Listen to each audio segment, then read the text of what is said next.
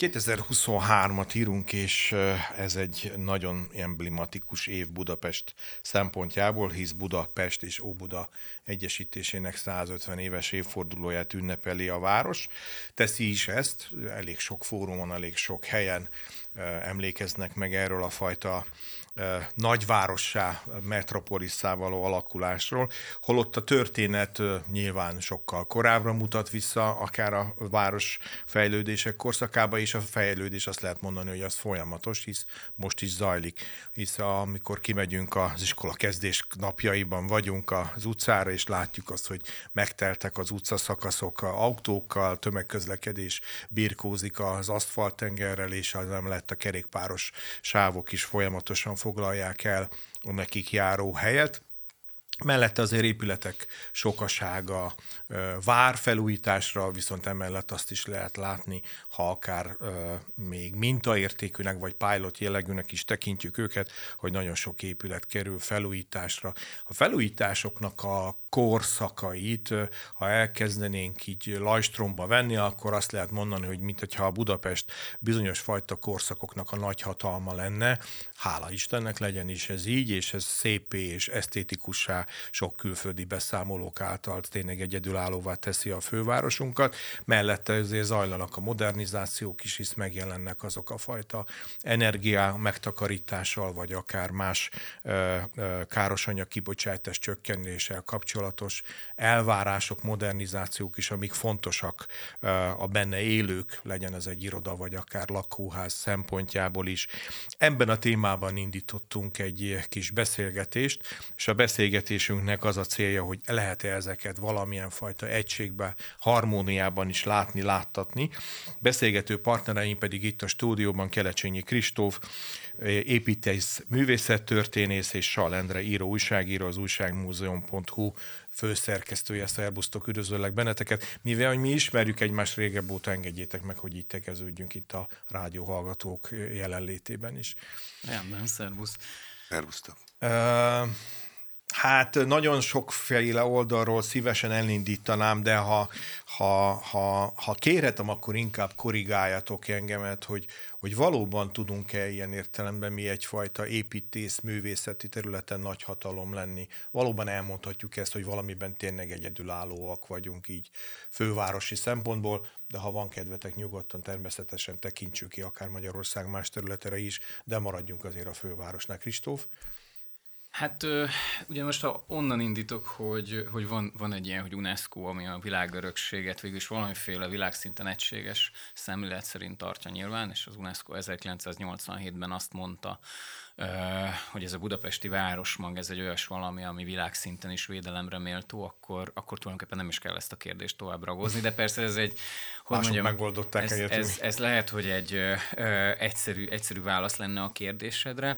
Amit szerintem biztosan le lehet szögezni az az, hogy ö, Dacára a 20. századi különféle történelmi viharoknak Budapesten azért egy elég páratlanul érintetlen módon maradt meg az a historizáló városi struktúra és városszövet, ami, ami mondjuk nagyon sok európai városban, Varsó, Berlin nagy arányban elpusztult és, és átalakításra került, és azoknál a városoknál pedig, amiket mondjuk annyira kevésbé szoktunk hivatkozási alapnak használni, Belgrád, vagy mondjuk Bukarest, annál pedig vitán felül nagyobb és értékesebb áll, épületállomány keletkezett ebben a, a korszakban. Uh-huh. Tehát Budapestnek ez az aranykora, ezt így szoktuk emlegetni, és euh, én azt gondolom, hát nyilván az, hogy most világszinten mi érdekes, az egy ponton túl egy szubjektív dolog, de az biztos, hogy, hogy itt ebben a közép-európai euh, mezőnyben úgymond az, amit Budapesten van, azért az egy figyelemre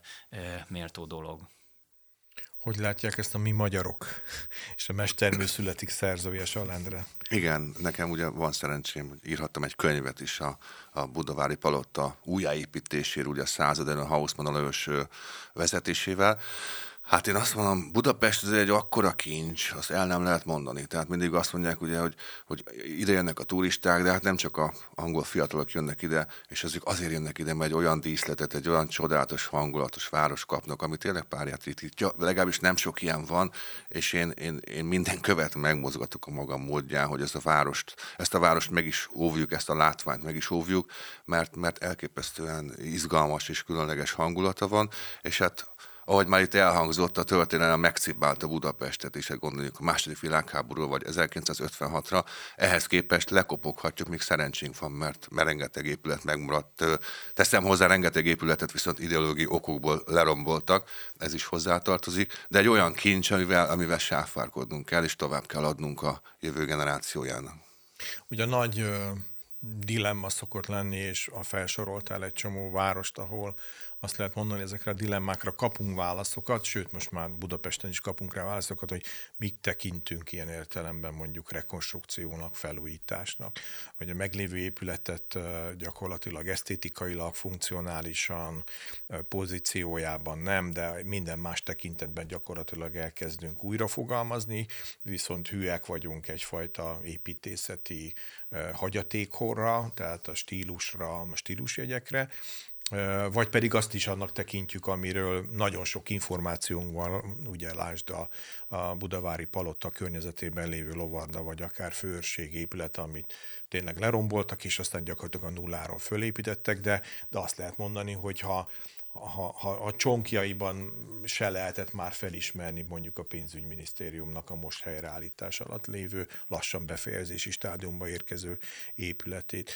Ti hogy látjátok egyébként, most itt tényleg a 21. században vagyunk, hogy ezeknek a, az épületeknek a, a építészeti, építőművészeti rekonstrukciója mellett a használati, funkcionális helyreállítás mennyire tud harmonizálni, mennyire találja meg a helyét az az épület újra, vagy, vagy a meglévő funkciójában, de mondjuk modernebb környezetben, modernebb üzemeltetési körülmények között. Hát mondjuk abból érdemes kiindulni. Ugye alapvetően a legnagyobb kritikusai ezeknek az ilyen jellegű rekonstrukciók, ugye pont ezt szokták elmondani kritikaként, hogy hát ez egy, ez egy funkcionális, nem, nem, nem, nem abból az alapvetésből indul ki, amiből a, amiből a kortárs építészet, hogy a funkció az első, hanem abból az alapvetésből indul ki, hogy egy héj az első, és majd ehhez alkalmazkodunk. Ez a kérdés egyébként sok tekintetben árnyalható, mert ha belegondolunk, hogy hány olyan épületet használunk ma is, gyakorlatilag sikerrel, amely ebben a korszakban keletkezett. Tehát tulajdonképpen nyilván egy ilyen épületnek a, a rekonstrukciója az egy egy, egy kompromisszumot kell, hogy jelentsen a funkció tekintetében, de ez nem jelenti azt, hogy ezek használhatatlan épületek lennének. Ez azt jelenti, hogy olyan funkciót kell a számára találni, olyan használókat, akik ezt az épületet úgy tudják használni, hogy, hogy ez ne feszítse szét egy rekonstrukciónak a keretét. Endre? Hát ugye most, ha konkrétan a most zajló Nemzeti Hausmann programról beszélünk, ugye azt tudjuk, hogy itt az ideológiának fontos hangsúlya van. Ugye kétfajta trend létezik, amit Fodor Gergely várkapitány is már többször említett. Ugye vannak a lengyelek, vagy a balti országok, vagy az olaszok és mi, mi úgy gondoljuk, hogy ezeket az épületeket újra kell építeni, mások meg azt, azt képviselik, hogy a történelem viharaival szemben nem kell menni, és hogyha egy épület tönkrement, akkor, akkor nincs rá többes szükség. Én ebben az esetben a funkcionalitást háttérbe szorítanám, én teljes mértékben egyetértek azzal, hogy ezeket az épületeket igenis adjuk vissza, építsük vissza, hiszen hiszen látjuk azt, hogy például 1945 után mit műveltek ezekkel az épületekkel, csak vesszük a most készülő József főherceg palotáját, ugye megmenthető lett volna, bár bomba talált érte, de azt hiszem, azt hiszem 68-ban fölrobbantották, és rengeteg ilyen épület van a várban is, meg a belvárosban is, ami most is dísze a városnak, de, de pont ideológiai alapon ö, lebontották őket, vagy, vagy bestelen helyzetbe hozták, ha csak veszem azt, hogy a különböző vidéki kastélyokba kórházakat, meg elbegyógyintézeteket rendeztek be. Tehát ezzel mi szerintem tartozunk Hausmannéknak, tartozunk ezeknek az alkotóknak, hogy ezeket a épületeket viszont láthatjuk újra, és itt a funkcionalitás számomra mindenképpen másodlagos. Uh-huh. De ha azt, azt értem, hogy másodlagos a funkció, de alapvetően azért, amikor megnyeri az épület, most legyen az egy kultúrpalota, legyen belőle, legyen egy irodaház, most próbálok még profánabbat mondani, legyen akár egy kerületi bérház rekonstrukció esetén újra bérház, tehát hogy egy önkormányzati vagyonelemben ez, ez nem, nem is biztos, hogy ritka kérdés, gondoljunk bele mondjuk egy Józsefváros esetén, ahol rengeteg a mai, ma is az önkormányzati tulajdonban lévő, mondjuk akár historizáló jellegű bérház, amit bérházként újít fel. Tehát talán még ez sem olyan rossz példa hogy ha azért mégis a funkcionalitást nézzük, akkor meglátásotok szerint ez a, azok a várospolitikai törekvések, hogy, hogy az agglomeráció fejlődések például rosszat tettek a városnak, mert kiköltöztették innen az embereket, nem annyira élhetőbb most a város, mert szinte lecsendesedik, kiürül, nincs benne élet. Ez mondjuk ezek a fajta törekvések hozzásegítik-e a, a várospolitikát ahhoz, hogy újra élettel telik meg a város, tehát hogy szebbek az épületek, jobban üzemeltethetők, modernebbekké válnak, de ugyanakkor mégis hűek ahhoz az értékhez, amit akár Hausmann Alajos vagy a kortársai hoztak létre. Hát ugye azért itt, tehát különítsük el a két dolgot, ugye beszéltünk itt ezekről a nevezzük most így, hogy visszaépítésekről, uh-huh. tehát amikor a nulláról rekonstruáltunk, és beszéltünk, ugye, vagy érintettük valamennyire a, a, a rekonstrukció, a rehabilitáció részét, uh-huh. ahol pedig uh-huh. ugye egy, egy, egy, egy kerületi önkormányzat egy, egy szociális bérlakás építésben mondjuk általánosságban, ha épít egy új épületet, akkor, akkor az nem egy historizáló épület, hanem valami, ami, ami nyilván olcsón kivitelezhető, ugye nincs, mög, nincs egy tőkeerős építető olyankor mögött. Tehát én ezt a két dolgot azért elkülöníteném egymástól, és alapvetően természetesen én, én azt látom, hogyha most tényleg kicsit visszalépünk így az általános városképhez, hogy Budapest e tekintetben azért, azért nagyon nagy adósságokkal rendelkezik a mai napig. Tehát az, hogy, hogy, hogy a mai napig olyan területeken, ahol, amelyek egyébként belvárosi területek, és egyáltalán nem elszlömösödő részei a városnak, ha lerak az ember egy kamerát, és kirakja a, a, a kocsikat az utcából, akkor le lehet forgatni egy filmet, ami az 50-es években játszódik. Ez azért egy elég, elég, elég, elég szomorú helyzet, és ebben ugye nagy részt a, a nagy felelőssége van annak a, a, az 1900 49 és 90 közötti rendszernek, ami ugye gyakorlatilag ezekre az épületekre úgy tekintett, mint amik szükséges rosszként fennállnak, de majd egyszer egy jobb időben lebontjuk őket, hiszen korszerűtlenek, meg amúgy is egy olyan társadalmi rendszernek a lenyomatai, amit mi nem szeretünk. Tehát volt ez a hozzáállás, és láthattuk, hogy aztán valamikor a 60-as, 70-es évben realizálták azt, hogy jó, azért nem fogjuk tudni lebontani a historizáló Budapestet, és mindenhova ö, ö, sávházakat, meg panelházakat építeni, és akkor elkezdődött ezeknek valamiféle megújítása, de az is egy kirakat megújítás volt egyébként, uh-huh. a főútvonakat kifestették, és ugye az ember betért egy mellékutcába, a Rákóczi úton, vagy e, a Nagykörútról, akkor pedig ott voltak azok a homlokzatok, amelyekhez utoljára a tízes években, vagy még korábban nyúltak hozzá, és gyakorlatilag 30 évvel vagyunk ugye most már nem csak a rendszerváltás után, hanem a lakásprivatizáció után, tehát most már három évtizedet tulajdonosai a, a, a lakók ezeknek a házaknak, nem szoktam népszerű lenni az, amikor ezzel kimondom, de már nekik is van egy abszolút mértékben felelősségük ö, abban, hogy azt látjuk, uh-huh. amit látunk. Uh-huh.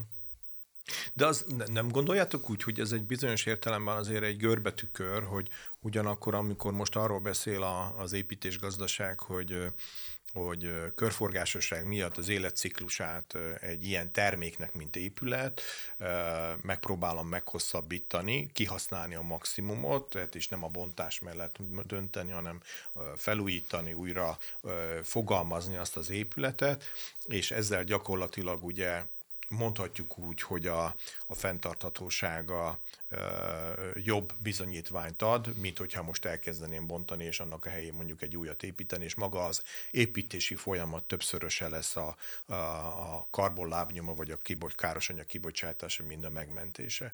Hogy ez egy, mert ez most azért egyébként, ahogy én látom a, az építési szándékokat, ez egyre erősebben jelenik meg az új építések kell szemben, hogy nézzünk meg egy meglévőt. Legalábbis írott formában, ha gyakorlati formában nem is így jelenik meg. Ugye a mai eh, lakásépítési boom nem ezt feltétlenül ezt támasztotta alá, de lehet, hogy van, lesznek olyan eszközök, vagy lehet, hogy ti tipjeitek között is vannak olyan tipjeitek, hogy mit lehetne ezzel kezdeni. Endre esetleg? nekem az a problémám ezzel az egésszel, hogy ugye nincs pénz, sehol sincs pénz, tehát most, amiről most beszélgetünk, az jelen pillanatban sajnos illúzió. Viszont itt szóba került Józsefváros például. Uh-huh. És ez megint az én megközelítésem egy kicsit romantikus. Ugye én, én, én engem elszomorít, én, én havonta elmegyek és levideózom azt, hogy éppen mi maradt meg abból a környékből, mi maradt meg a Pál utcai fiúk helyszínéből, uh-huh. és milyen épületek maradtak meg. Szörnyűséges.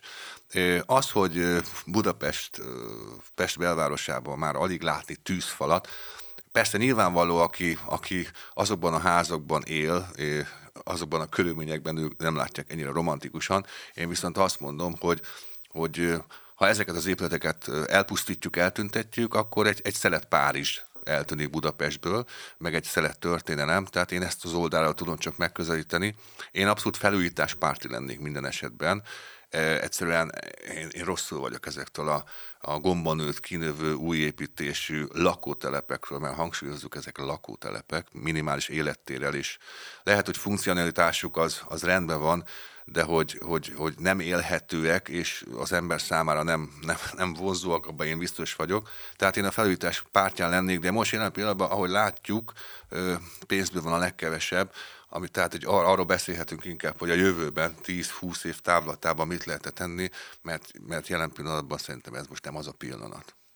Egyébként azt tegyük hozzá, hogy Ugye ez a Józsefvárosi példa, ez ugye eléggé vitatott, nem, nem csak tőled hallottam már azt, hanem nagyon sokaktól, hogy, hogy ami beavatkozásod történt, az egész egyszerűen olyan mértékig semmisítette meg az ottani városszövetet, ami, ami túlzó, hogy ugye 1990 után, amikor a kerületi önkormányzatok megörökölték ezt az óriás, írdatlan mennyiségű lakásállományt, a kerületek különféle stratégiákat választottak. A legtöbb kerület egyébként azt a stratégiát választott, hogy nem választott stratégiát, de ugye két eltérő iskola volt, a, ami viszont egyfajta program látszik, hogy megfogalmazódott, ez a Józsefváros és a Ferencvárosi megközelítés.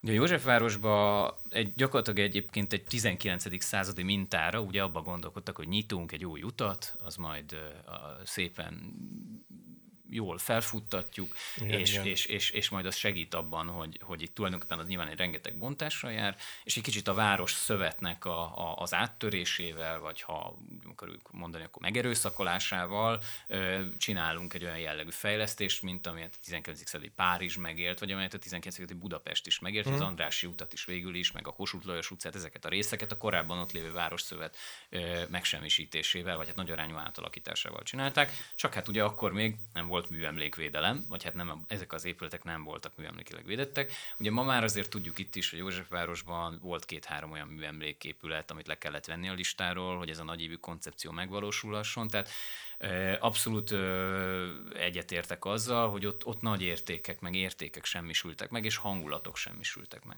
Ferencvárosban egy kicsit más megközelítés volt, ott ugye egy, egy jóval analitikusabb folyamat kezdődött, ott az egész tömbbelsőknek a kibontása, több zöld terület, de az utcakép az gyakorlatilag változatlan maradt szinte. Egy-egy házat lebontottak, amelyek kisebbek voltak, rosszabb állapotúak, de mégis megmaradt valami olyan egyensúly egyébként, amit megint csak lehet kritizálni, mert ott sem született azért mindenhol építészetileg az új épületek nem, nem, nem mindenhol igazán jók, de, de összességében sokkal inkább megmaradt ott a, a városnak a, egyfajta hangulata, mint a Józsefvárosi oldalon. És az összes többi kerületben, most független attól, hogy vannak olyan kerületek nyilván, ahol nem voltak ilyen válságzónák, de mondjuk a hetedik kerületben, a hatodik kerületben, vagy akár az ötödik kerület bizonyos részein, ott nem volt ilyen tudatos program, hanem ugye gyakorlatilag itt az épületek megújítását a privatizáció során rábízták az új tulajdonosokra. És ez ugye halad úgy, ahogy halad, amennyi pénz éppen van benne, amennyi pénzt éppen rászánnak a kerületek, illetve a tulajdonosok együttesen. Igen, igen.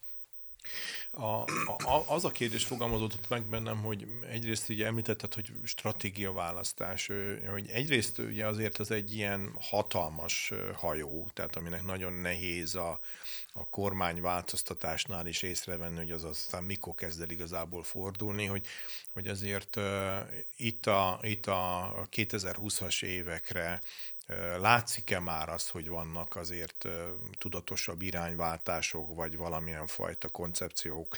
Ugye itt, vagy, vagy mindig az csak az látszik, hogy az állami programok azok túlreprezentáltak, mert ott van forrás, ott van pénz, és az önkormányzatok pedig nem fognak tudni jól reagálni erre, és ezért mondjuk napelemet, az összes tetőre programot azt meg tudják hirdetni, de más nem. Amivel lehet, hogy nincs baj, erről majd kérdezni foglak benneteket, de lehet, hogy más másra nincs eszközük. Valamelyik kötökre nézek szívesen. Kristóf? Hát nézd, én azt gondolom, hogy nem kell föltalálni a kereket újra, tehát a kerületeknek vannak támogatási rendszerei, amikor egyetlen egy óriási probléma van, hogy ezekben alig van pénz.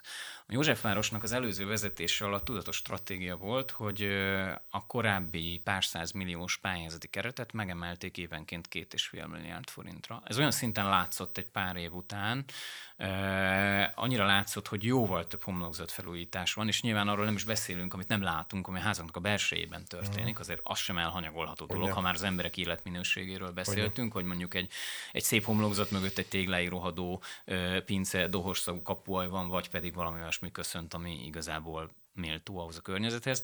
Tehát egyetlen egy dolog látszott ezen, hogy, hogy tulajdonképpen ezek a pályázati alapok, ezek mindannyiszor a, a, és ez látszik is, hogy a megigényelt forrás szinthez képest nagyon-nagyon kevés ö, pénzt tartalmaznak, és innentől fogva nyilván lassú ez a rekonstrukció folyamat, és hogy újulnak meg a bérházak, hát ugye látjuk, hogy tetőtérbeépítés, és emelet ráépítés, vagy ezeknek bármilyen kombinációja, ezek azért nagyon sok esetben nem a jó építészeti minőséget képviselik. Arról nem is beszélve, hogy nem biztos, hogy szerencsés ezeknek a városrészeknek a további ö, sűrítése, hiszen azért ezek így is elég terhelt és forgalmas környékek. Van érdekes, mert nekem most egy történelmi eset jutott uh-huh. eszembe a finomságról. Tehát azt, hogy nem dózerolunk, volt egy Réde, Rédei Simonné nevű idős asszony a század előnek, az ő férje az báró volt, és mellette 48-as forradalmár, és a 900-as évek elején ö, ugye már épültek a nagy bérházak, tehát egyébként ott is problémát jelentett, rengeteg, ezek a mostani épületek akkor épültek, és hát sokan ki voltak tőle. Na a lényeg az, hogy a múzeum körúton lakott a idős hölgy egy kis egyemeletes házikóba, és mellette már fölnőttek a nagy bérházak, és hát szerették volna, ha oda is épül egy a helyére, de hát Podmaniszki Fügyes volt az, aki ugye Budapest bőlegénye volt, és hát a város ütőrén tartotta a kezét, ő mondta azt, hogy nem, megvárjuk, míg ez a hölgy elhalálozik, és abban az esetben, ha ez megtörtént, akkor fogjuk csak lebontani ezt az egyemeletes épületet. Ezzel csak, és ez így is történt, ezzel azt akarom kifejezni, hogy a finomságokra is figyelni kéne. Tehát én ahogy látom azt, ami Józsefvárosban történt, az brutális. Csak egy példát mondok, hogy itt milyen értékekről van szó, hogy milyen értékek vesztek el. Én konkrétan tudom, hogy a régi bérházak rustikus, gyönyörű kapuit több esetben külföldön adták el rengeteg pénzért, mert van rá kereslet, külföldön vadásznak rá, Magyarországon pedig a kukában landol. Tehát ez nagyon rossz út, és mindenképpen ezzel a kis Rédei Simon nénak a példájával is szeretném felülni a figyelmet, hogy sokkal nagyobb odafigyeléssel és sokkal nagyobb empátiával kellene közelítenünk, hiszen mondom még egyszer, hogy ezeknek a régi épületeknek a, a megmentése lenne a, lenne a fő cél, de hát jelen pillanatban sokszor nem azt tapasztaljuk, hanem azt tapasztaljuk, hogy kinőnek az égből ezek a szörnyűséges lakótelepek, ami tudom, lehet, hogy funkcionalitásban rendben vannak, de hogy az biztos, hogy, hogy megölik a hangulatát a városnak, és, és megölik azt a vonzóságát, ami a turisták szemében van, hiszen hiszen ne felejtsük el, hogy Budapestre azért jönnek, mert egy kicsi Bécs, kicsi Párizs, tehát ezt a hangulatot vadászták, ami egyre kevesebb helyen tetten érhető. A, említetted ezt a nem annyira szerencsés ezek a tetőtér ráépítések és egyéb más ilyen módosítások, ilyen parazita elegű módosítások ezeken az épületeken.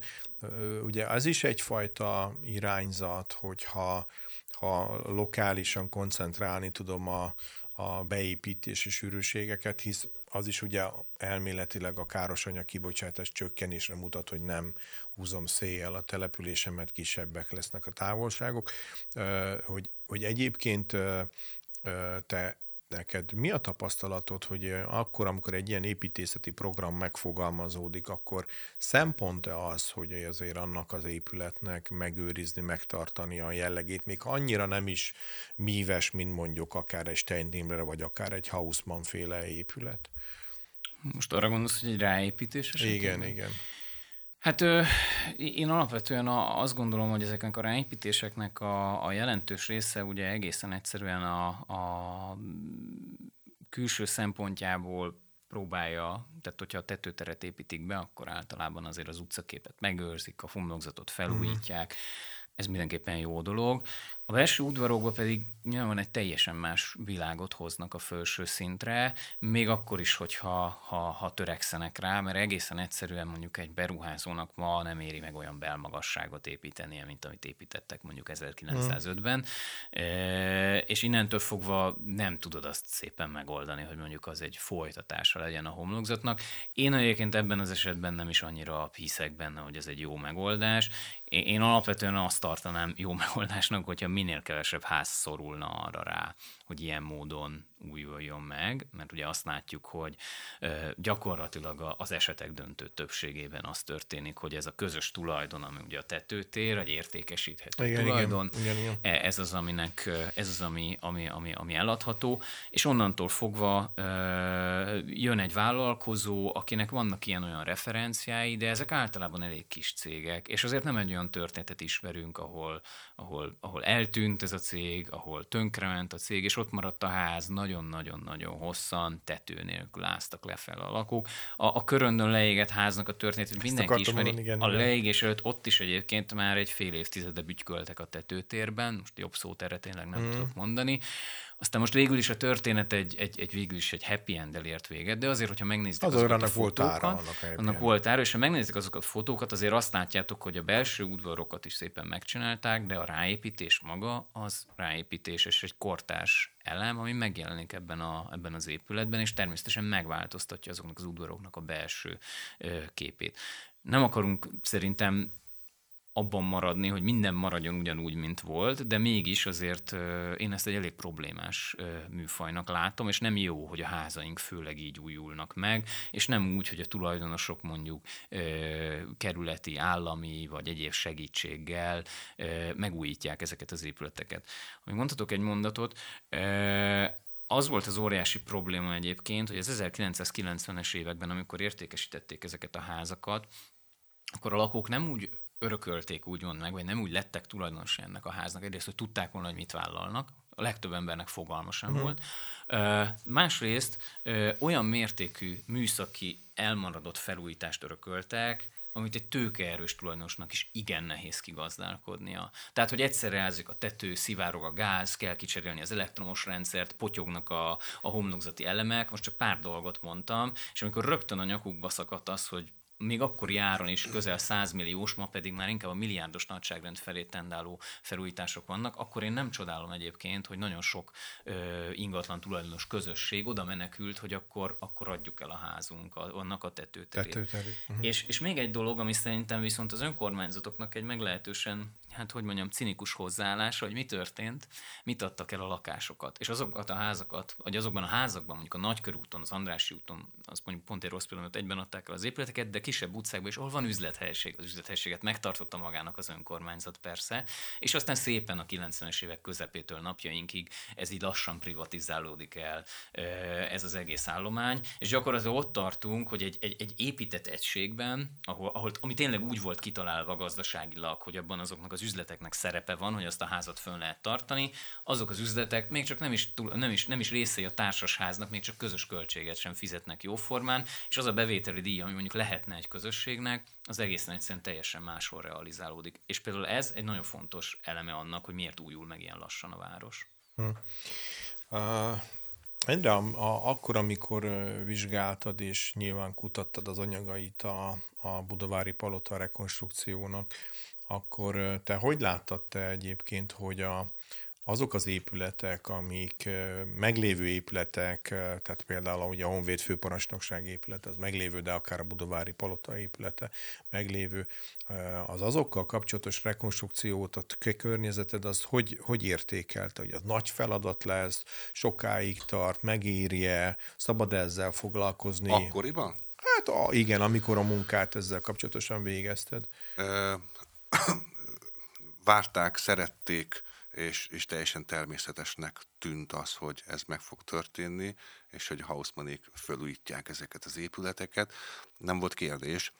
Olyannyira nem, hogy aki ebben a munkálatban részt vehetett, az hihetetlenül büszke volt rá, és hát ugye Hausmanék törekedtek arra, hogy az építészek, szobrászok, művészek frontján is tényleg a, a legjobbakat alkalmazták, tehát kivételes csapat készítette az összes épületet. Pedig aztán, aztán kapacitás a... maximumon voltak, hisz abban a korszakban aztán szinte minden majdnem egyszerre épült. Igen, egyébként eszembe jutott valami a régi bérházakra, hogy Hát megint a régi szép idők, ugye ezek a bérházak magántulajdonban voltak a kezdetekkor, és akkor nem volt semmi probléma, és valóban bérházként funkcionáltak, tehát az idő másképp alakította, akkor, akkor nagyjából is egész évben rendben voltak a házak állapota is.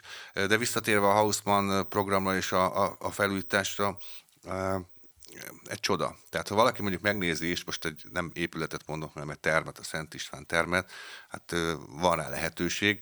Voltak a szkeptikusok, azt mondták, hogy hát senkit nem fog ez érdekelni. Aztán kiderült, hogy napokon keresztül állt a sor, és mindenki büszke volt arra, hogy láthatja a megújított Szent István termet, és most is büszke arra, hogy hogy megnézheti majd az elkészült épületeket, az akkor egy nemzeti összefogás volt, és teljes mértékben mindenki csatlakozott hozzá, és mondom még egyszer, hogy a, a legjobbakat alkalmazta. Tehát Hausmann minden téren a legművesebb, legjobb művészeket és építészeket kérte föl, és, és én megmondom őszintén régi újságokat nézve, biztos hatalmas lehetett a cenzúra, de én nem, nem, nem olvastam kritikát, és nem olvastam azt, hogy minek ezt, hanem azt olvastam, hogy végre megújul a palota, végre, hogy ezek az épületek elkészülhetnek, tehát nem volt, nem volt ebből ö, politikai feszültség sem.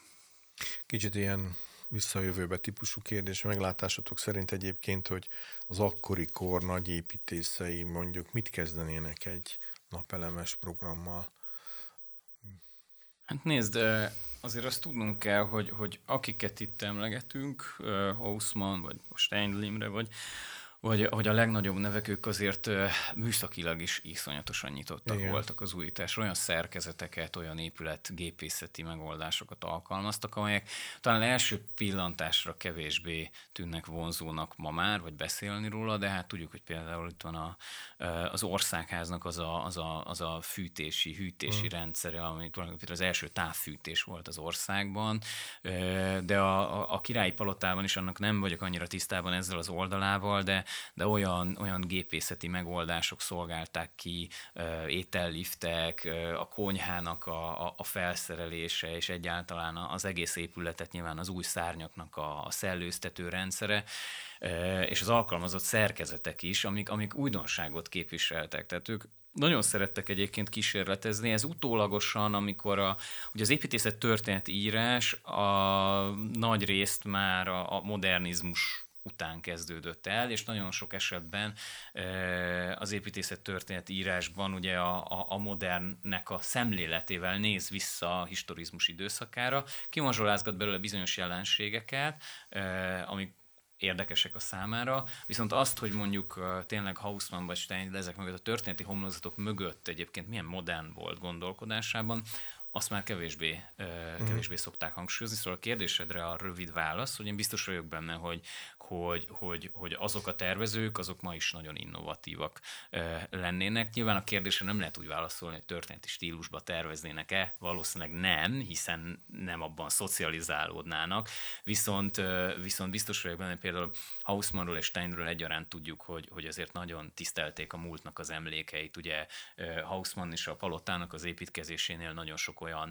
középkori lehetet védett meg, aminek a fennmaradása neki köszönhető. Aztán az 50-es években őt kritizálták nem túl igazságosan, hogy hát ő tüntette el ezeket, nem erről volt szó, és a Steindl pedig maga volt a korai magyar műemlékvédelem egyik legaktívabb ö, építészetet, mindkettőjüknek igen erős ö, vonzalma és ö, ismerete volt arról, hogy a régi korok ugye ö, hogyan működtek e szempontból. Teljes mértékben egyetértek, ez látszik, hogy egy művészet történész beszél mellettem. Az, az biztos, hogy fogékonyak voltak az újra is, építészeti stílusban is, de tehát én, ha most azt kérdezzük, hogy Hausmann alajos, most milyen építész lenne, szerintem az egyik legjobb lenne most is, és hogy, amit említettél, hogy e, mert ebbe a korban szocializálódott volna, de biztos, hogy a modern építészek közé tartozna, meggyőződésem, most sokszor felkiáltana, hogyha most végigmenne Budapesten, és valószínűsítem, hogy még a, a napelemek elhelyezésére is találna valami furfangos megoldást, ha találna, vagy letiltana az egészet, de a lényeg az, hogy a kor szellemének megfelelően egy modern építész lenne ő is. Ezek nagyon, ahogy említetted, ezek nagyon felkészült, művelt, fők voltak, tehát most is megállnak a helyüket, és szerintem élenjáróak lennének. Kelecsényi Kristóf, építészet, művészet történésznek és Salendre író újságírónak köszönöm szépen, hogy itt voltatok velünk a stúdióban. Mi köszönjük. köszönjük.